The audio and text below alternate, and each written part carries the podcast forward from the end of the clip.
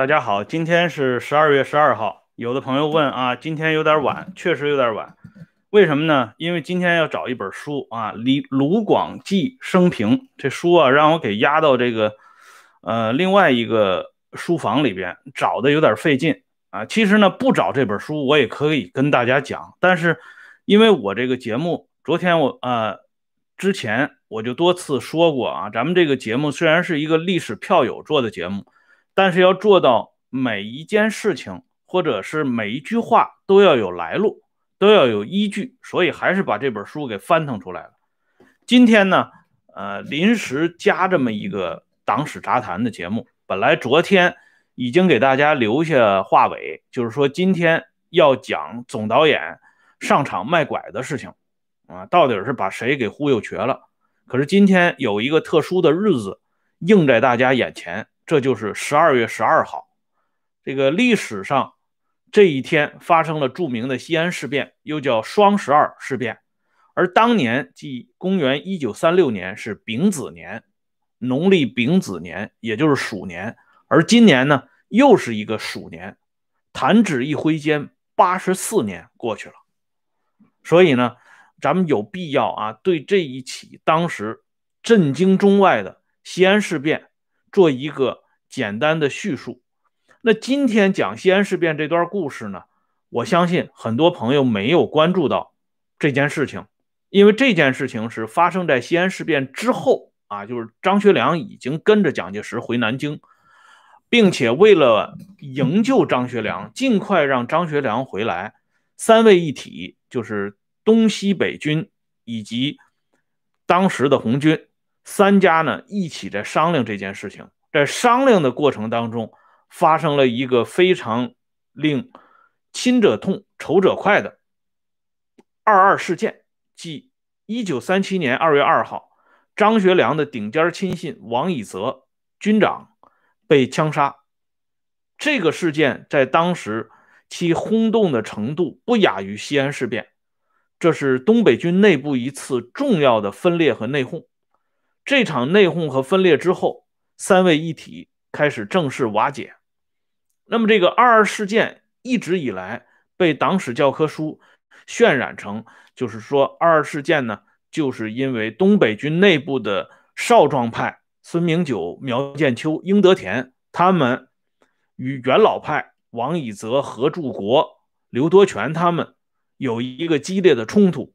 啊，因为他们不满意元老派的那种持重的做法，或者是说对南京做出重大让让步的做法，进而呢激发了矛盾，演化成为王以泽被枪杀的这么一个结局。可是这件事情，因为过了这么多年之后啊，相关的史料呢也没有太多的更新，反倒是早年。有一些当事人或者叫重要的参与者，他们留下的回忆录值得我们重新进行翻检。这里呢，我找了两个人的回忆录，这两个人的回忆录因为都是二二事件的主角，所以他们的回忆录向我们提供了第一手的资料。一个呢是张学良的卫队营营长孙明九，他的回忆西安事变的真相；再一个呢是二二事件的主谋人。英德田，张学良的秘书，他的回忆。这两个人呢，一个是孙明九在一九九五年公开出版的这个回忆录，还有一个英德田是一九八零年公开出版的，由中华书局出版的《张学良与西安事变》。按照我以往对这个历史资料的检索啊，我认为年头越久一点的，离距离今天越久一点的。这个史料呢，真实性通常来讲要大一点啊，因为那个时候，尤其是八十年代，刚刚拨乱反正，人们呢还有那么一点良知和底线，觉得这个峥嵘的岁月终于过去了，这历史的悲剧不应该重演，而让历史的悲剧不应该重演，首先做到的就应该实事求是。不能再像过去的十多年当中，或者是几十年当中，一直坚持说假话，不说真话。所以，英德英德田的这个回忆录呢，显得就比较弥足珍贵。他在这里边就向我们说了一个真话。这里呢，我们先说一点啊，当时二二事件出来以后，在社会上，孙明九转述了一个流言啊，就是当时社会上有很多流传，有很多谣言，就是说二二事件，王以泽之所以被枪杀，全然是因为周恩来、红军、共产党。他们策划的，他们在背后呢鼓动孙明九啊、英德田、苗建秋这些少壮派枪杀元老派，然后攫取东北军的领导权。当时是有这个传言的。这个传言后来孙明九说这是无耻的谣言啊，已经被历史的事实无情的粉碎了。但是这个谣言现在看呢，不仅没有被粉碎，反而呢从英德田的回忆录里边。我们找到了根据，这个根据很有意思。呃，这是发生在二二事件的第二天，就一九三七年二月三号这一天。这一天呢，里边有一个重要的关键性人物，就是东北军系统东北系统里边张学良比较信任的一个人，叫高宠民。高宠民这个人，他和车向臣还有阎宝航这三个人。号称是啊，做东北军工作的三个重要人物啊，再加上这三个人的下场都差不多啊，都是呃稀里糊涂的就让人给弄死了。所以这三个人在当时是非常突出的，特别是这个高宠民，高宠民同周恩来的关系尤其近，因此这个人的回忆或者说这个人关于对二二事件的一个真实的看法。就显得比较重要，恰恰是英德田他的这个回忆录里边向我们展示了高宠民他在二二事件之后对整个事件的一个直接的看法。这里边呢，我们来说一下高宠民当时说的原话。他在渭南，他对刘兰波说的。刘兰波当时呢是。周恩来派到东北军做卧底工作的，因为刘兰波的堂兄刘多全是东北军当中的骨干，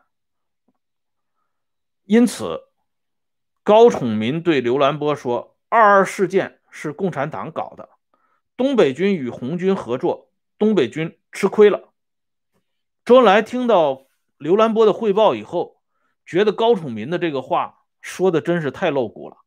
所以周恩来就让刘兰波告诉高崇民，马上到西安来见一面啊！我要跟你谈一谈，呃，必须要谈一谈。这么说实话，谁也受不了。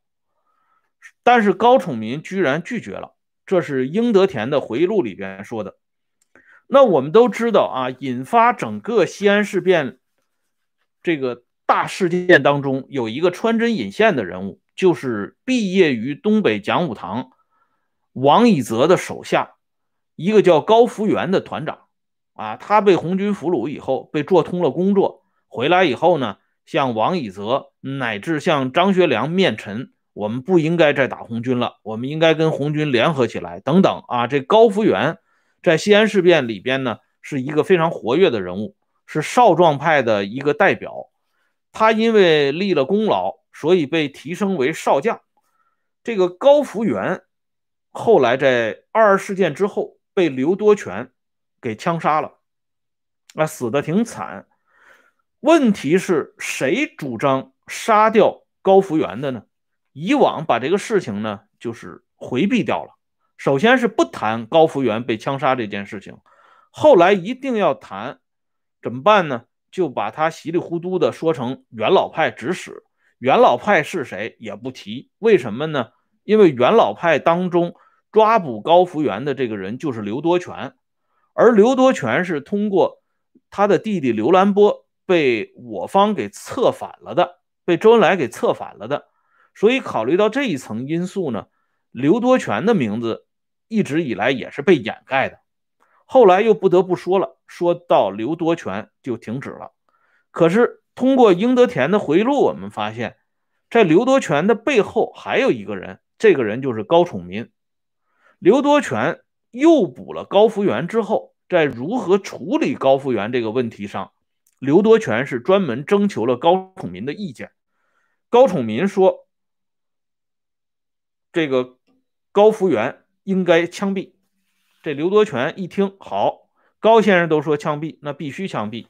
这样呢，高福源就被枪毙了。这高宠民这个人，在整个二二事件之后，他的这套表演，这是一个很有意思的事情。因为高宠民在他的传记当中，就是《中共党史人物传》第十九卷，专门给高宠民列了一个传记，把这个高宠民啊夸得够呛。这老先生长这个样子啊，给大家看一眼，戴眼镜的这个这位。啊，高崇民先生，这个人物啊，在他的党史人物本传当中，这是一个被吹捧上了天的人啊，把他呢同伟大领袖和恩来同志联系到一起，包括他最后的坚贞不屈等等啊，都是捧上云端。可是他在二二事件中的这个表现或者叫表演，从来没有人提及过，这是一点啊。一会儿我们还会提到这个高崇民。下面呢，我们再提一个关键人物，就是今天翻腾半天找出的这个人，他叫卢广记。他在这个二二事件当中也有一个重要的表现，因为当时呢，据孙明九回忆，二二事件首先搞掉一个人，这个人是谁呢？叫宋学礼，他是王以泽的亲信。当时孙明九他们听到一个谣言。就是说，宋学礼密谋跟陈诚联络去潼关，所以应该马上把这个人监视起来。因此派了一个连长叫孙聚奎，这个人是自告奋勇去监视宋学礼的。所以孙明九他们就同意了，因为孙明九、孙聚奎这两个人都姓孙，还专门认了本家。孙聚奎去了以后，一枪就把这宋学礼给打死了。这事情一下子就激化了，因为搞掉了宋学礼，对王以泽那边交代不过去，所以这里不排除他们一不做二不休，最后让于文俊直接开枪打死王以泽的因素，不排除这种因素。问题是这个莽撞的孙聚奎，他是从谁的门下来的呢？就是从咱们这位后来担任辽宁省政协副主席的卢广济先生门下来的。而这个卢广济跟周恩来的关系极深，卢广济推荐了孙聚奎给孙明九他们，孙聚奎打死了宋学礼，激化了矛盾，最终让二二事件爆发。那么卢广济的背后站的是谁？我们也就可想而知了。问题在于这卢广记先生呢，他也不会撒谎，或者是撒谎撒的不够圆全，因此在这本卢广记生平。就是一九九三年出版的这本《卢广记生平》，这个封面呢，题签还是张学良。张学良当时专门在台湾给他写了字，然后寄回大陆，所以这本书的封面，大家看到“卢广记生平”这五个大字是张学良的手笔。问题是，这个卢广记老先生不会撒谎，他一不会撒谎呢，又说了一句实话。而这句实话，同孙明九和英德田说过的实话，这核定本儿，咱们一看，有些事情呢，就又浮出水面了。这里呢，卢广记的讲的一件事儿，就是二二事件发生的当天晚上，呃，周恩来搬到杨虎城的新城大楼来住。当天晚上，杨虎城和周恩来都在办公室里。这个时候呢，秘书送来一份公文。卢广记是圈内的人，他阅读没有问题。他阅读之后，这个文件就要拿走。周恩来马上就问：“这是什么事情？这个文件给我看看。”卢广记呢，就把这文件给周恩来看了。周恩来看完以后，就说了一句话：“这都是张木桃的阴谋。”杨虎城听了以后没吭气儿。卢广记回忆到这里以后呢，卢广记说了一句话。卢广记说：“周恩来对杨的背后，杨虎城的背后有张木桃的策动表示不满。换句话说呢，张学良、杨虎城这两个号称是生死弟兄、珠联璧合的人，在周恩来心目中分量是不一样的。啊，周恩来对杨虎城的不满在这里呢就体现出来了。而张木桃这个人被称之为托派的头子，他在二二事件里边到底充当了一个什么样的作用呢？这里我们先来看孙明九的回忆。孙明九的回忆是二二事件这个事情发生以后，孙明九他们意识到祸闯大了，惶惶不可终日，六神无主。最后呢，有人给他出主意，就是苗建秋告诉他去老周那儿，就是周恩来那里。老周呢对这件事情挺生气的，你去看看老周。然后孙明九就赶去周恩来那里，他跟苗建秋一起见的周恩来。周恩来劈头就是一句话：“这是谁搞的？”然后孙明九就承认了，他说：“这个事儿呢是英德田。”还有我，还有何庆华，我们三个人，当然开会还有另外几个人，他就把这几个关键人物呢说了出来。可是周恩来话锋一转，问了一句：“有没有托派？”孙明九当时就愣了。孙明九的第一个反应就是：“什么托派？我不知道。”这个话呢就放在这儿了。那么下面呢，我们再来看一下英德田的回忆录啊。英德田在这里呢。啊，有这么一句话很有意思啊，他是这么说的：英德田说，有人认为二二事件是受了托派分子的影响搞的。坦率地说，张木桃、徐维烈、张子琪之类，在西安事变时期，我从来没有听说过，更谈不上见过和接触过。至于托派一词，我更不知道。从这个。英德田和孙明九这两个人一头雾水的表现来看，张木桃托派影响了二二事件这种说法基本可以排除了。但问题在于，为什么周恩来在第一时间里首先提到托派？我们都知道啊，伟大领袖有那么一句话，叫“没有调查研究就没有发言权”。这个事儿你没经过了解，你凭什么说他跟谁谁有关系呢？但是咱们的恩来同志反应非常机敏，第一时间就把托派给扔出来了。更主要的，他还点了名张木桃，而英德田和孙明九的回忆直接和间接的都否认了这一点，所以我们更愿意相信这两个当时还是年轻人的生瓜蛋子，因为实在他们不如恩来同志老谋深算啊，恩来同志的这种算计。真的是了不得的，而还有一点呢，就是孙明九回忆的，这样呢就把二二事件的一部分背景向我们展露了。就是二二事件发生前的一月二十八号，周恩来告诉英德田：“我们决定跟你们坚持到底，只要你们团结一致，我们就坚决的支持你们。”这句话啊，是孙明九和英德田。两方相互验证证实了的，那么这样看起来呢，在二二事件当中，周恩来扮演的一个什么样的角色？目前已经通过这几本回忆录和当事人的转述，多多少少与以往历史教科书里边向我们灌输的那个形象蛮拧完全不一样了。那么此外呢，还有一个题外话，就是在整个二二事件当中，两个。起着忽明忽暗作用的人，他的结局也值得表一表。一个是刚才我们讲到的这个高宠民，还有一个叫周鲁峰。因为当时刘多全不仅抓了高福元，也抓了周鲁峰。周鲁峰是专门派到东北军刘多全他们那里做卧底工作的，也是通过周恩来的关系直接指派过去的。这个周鲁峰。后来担任中国人民大学副校长。那么，我们先来看这个高宠民。高宠民在一九六八年十月八号凌晨两点被专案组抓了起来，关了进去以后呢，进行反复的审问。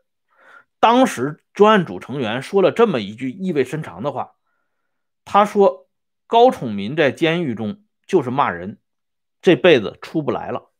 这段话源自于《中共党史人物传》第十九卷高宠民的传记当中，啊，这都是这个八十年代编的这个传记，所以这里边呢撒谎很多，可是还有一些个别地方没没撒周全，所以呢一下子露了出来。从这个专案组成员露出的这句话，我们也可以看到高宠民当年给刘多全以及他拒绝周恩来去西安面谈，最终他付出一个什么样的代价。而周鲁峰因为是知情人之一，他后来的结局呢是自尽身亡。这一点大家看一看李新先生的回忆录《刘氏的岁月》里，那里呢有一个详细的介绍，这里我就不多说了。好了，今天呢，关于二二事件这个事情呢，咱们就暂时说到这里。因为这件事情，说实话，谜团太多，要一下子通过这么二十来分钟说的那么清楚，恐怕是做不到的。以后咱们找时间再接着聊这个话题。感谢朋友们上来收看和支持。下面呢，我把温相说时政会员频道给大家发一下，感兴趣的朋友可以加入，每天都有更新。